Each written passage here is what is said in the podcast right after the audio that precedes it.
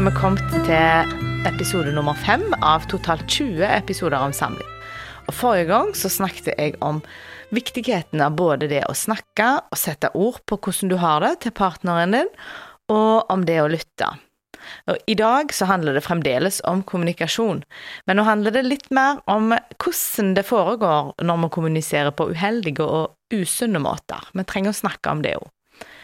Eh, da er det en mann som heter John Gottman, som har skrevet ei bok, 'Hemmelighetene bak et lykkelig parforhold', og han forteller i den boka at eh, det er ikke det at par krangler, eller hvor ofte de krangler, som avgjør om de får et godt samliv sammen eller ikke, for det er mange lykkelige par som krangler mye. Men det som er avgjørende, er hvordan de krangler, altså måten vi krangler på. Han har noen varselstegn som ikke lover godt, eh, ikke lover for noen lykkelig framtid sammen. Og hvis disse varselstegnene finnes i ditt forhold, så har du altså god grunn til å jobbe med dem. De representerer på en måte alvorlige sprekker i grunnmuren din. Og hvis, det første som han snakker om, er hvis du bruker en brå oppstart i en diskusjon eh, om et vanskelig tema, så er det et sånt tegn. Et eksempel kan være Eh, at jeg forteller at jeg syns mannen min bidrar for lite i husarbeidet, så går jeg hardt ut på kritikken, og så sier jeg jeg har prøvd å lage lister, jeg har prøvd å minne deg på det, jeg har prøvd å ikke minne deg på det, og ingenting funker på deg. Det er håpløst, for du gidder aldri å lufte en fing.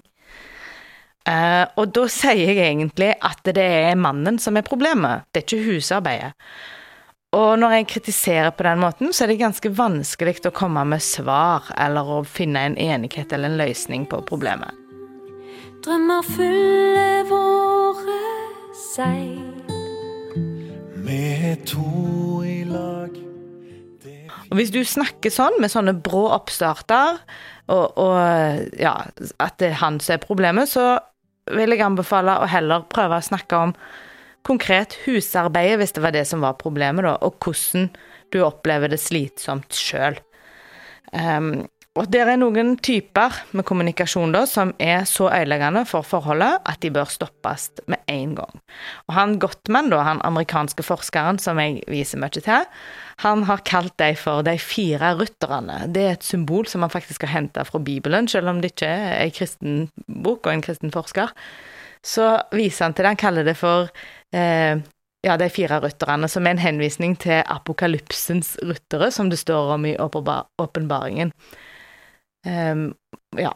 Det er jo da De, de bringer intet annet enn død og fordervelse med seg, og det er på en måte det denne kommunikasjonen nå gjør. Det er død og fordervelse for forholdet ditt hvis du bruker disse rytterne.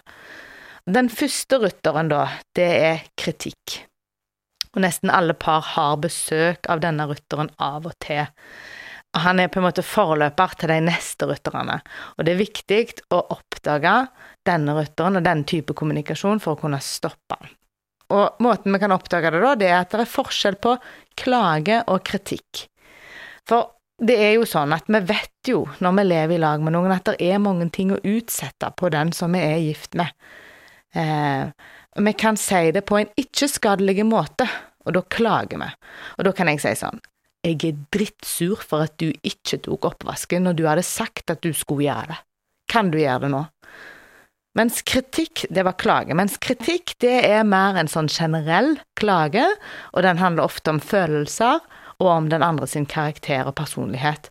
Så kritikk i den samme situasjonen ville blitt Hvorfor er du så late? Jeg hater at jeg må ta oppvasken når det er din tur, du bare driter i meg, du. Hører du forskjellen? At det går an å si jeg blir så sur, da eier jeg den følelsen. Når jeg må ta oppvasken når du egentlig skulle gjøre det. Da eier jeg fremdeles eh, eh, problemet og følelsen min, eh, men jeg retter kritikken eller der, klagen der han hører hjemme, da. I plassen for i den andre, der jeg da sier at det, du er lat, jeg har allerede tolka og lagt inn noe negativt inn i den andre sin personlighet. Eh, og, jeg, og, jeg, sier du bare driter i meg, her har jeg tolka. Og det er det stor forskjell på. Så det er altså lov å klage, eig følelsen sjøl, og sett ord på det du er lei deg for, og fortell hvordan du føler det, og, og fortell om tingen som du syns er dumt, men ikke tolk og legg negative eh, karaktertrekk og personlighet inn i den andre. Forskjell på kritikk og klage. Første rytteren. Den andre rytteren, den heter forakt. Og den kommer når vi føler oss overlegne i forhold til partneren. Det er en slags respektløshet. Her bruker vi gjerne sarkasme eller kynisme. Kan være sånn, ja, for det pleier jo du å være flink til, og gjerne himle med øynene eller å være spydige. Forakt, det skaper konflikt, og det ødelegger forholdet. Eh, og det ubevisste målet i kommunikasjon når du bruker forakt, det er å ydmyke den andre, eller å rakke ned på den andre. Eh, og framheve seg sjøl. Og forakten, den vokser sakte fram hvis du går med negative tanker om ektefellen din og gir næring til deg. Og aggressivitet ligger òg og lurer under overflaten her. Så når den første rytteren var kritikk, den andre rytteren er forakt. Den tredje rytteren som i kommunikasjon som ødelegger for oss, den er òg kanskje mange som kjenner seg igjen i, den heter sjølforsvar. Sjølforsvar i alle former gjør ingenting annet enn å forsterke konflikten, og derfor er den et dødelig symptom.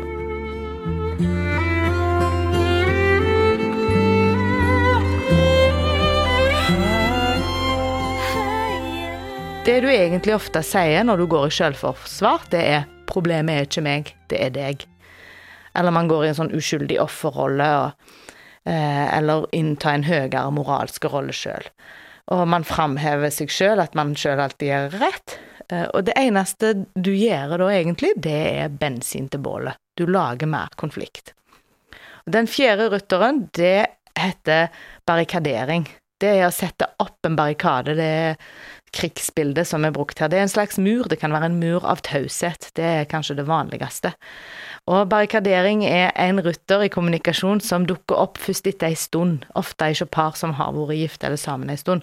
De tre første rutterne bruker tid på å skape så mye negativitet eh, og så mye negative følelser at barrikaden blir den naturlige fluktruten. Og Gottman og mange forskere og samlivseksperter i lag med han har lenge trodd at hvis bare vi lærer folk å krangle uten de fire rytterne, så vil de få det bedre sammen. Men forskning har altså vist at det er feil. Det å få det bedre sammen handler bare delvis om det å lære seg å kommunisere og krangle på en god måte. Eh, men det handler faktisk vel så mye om hva eh, en par gjør sammen den tida de ikke krangler. Kort sagt, det å bygge tillit og vennskap, det som vi har snakket om i de foregående episodene, at det er med å bygge forholdet like mye som det å lære seg å krangle på en sunn måte. Så gjennom det å bygge tillit og vennskap, så blir det å avlære seg å bruke de fire røtterne i kommunikasjon en viktig del. Eh, et bibelvers er 'mildt svar demper sinne, og sårende ord vekker harme'. Neste gang skal vi snakke mer om kommunikasjon, både om fysiske reaksjoner og forskjell på kvinner og menn, og kanskje det kommer noen tips til hvordan vi kan snu de negative kommunikasjonsmønstrene. Men det var det jeg hadde for i dag. Ønsker deg alt godt og lykke til med forholdet ditt.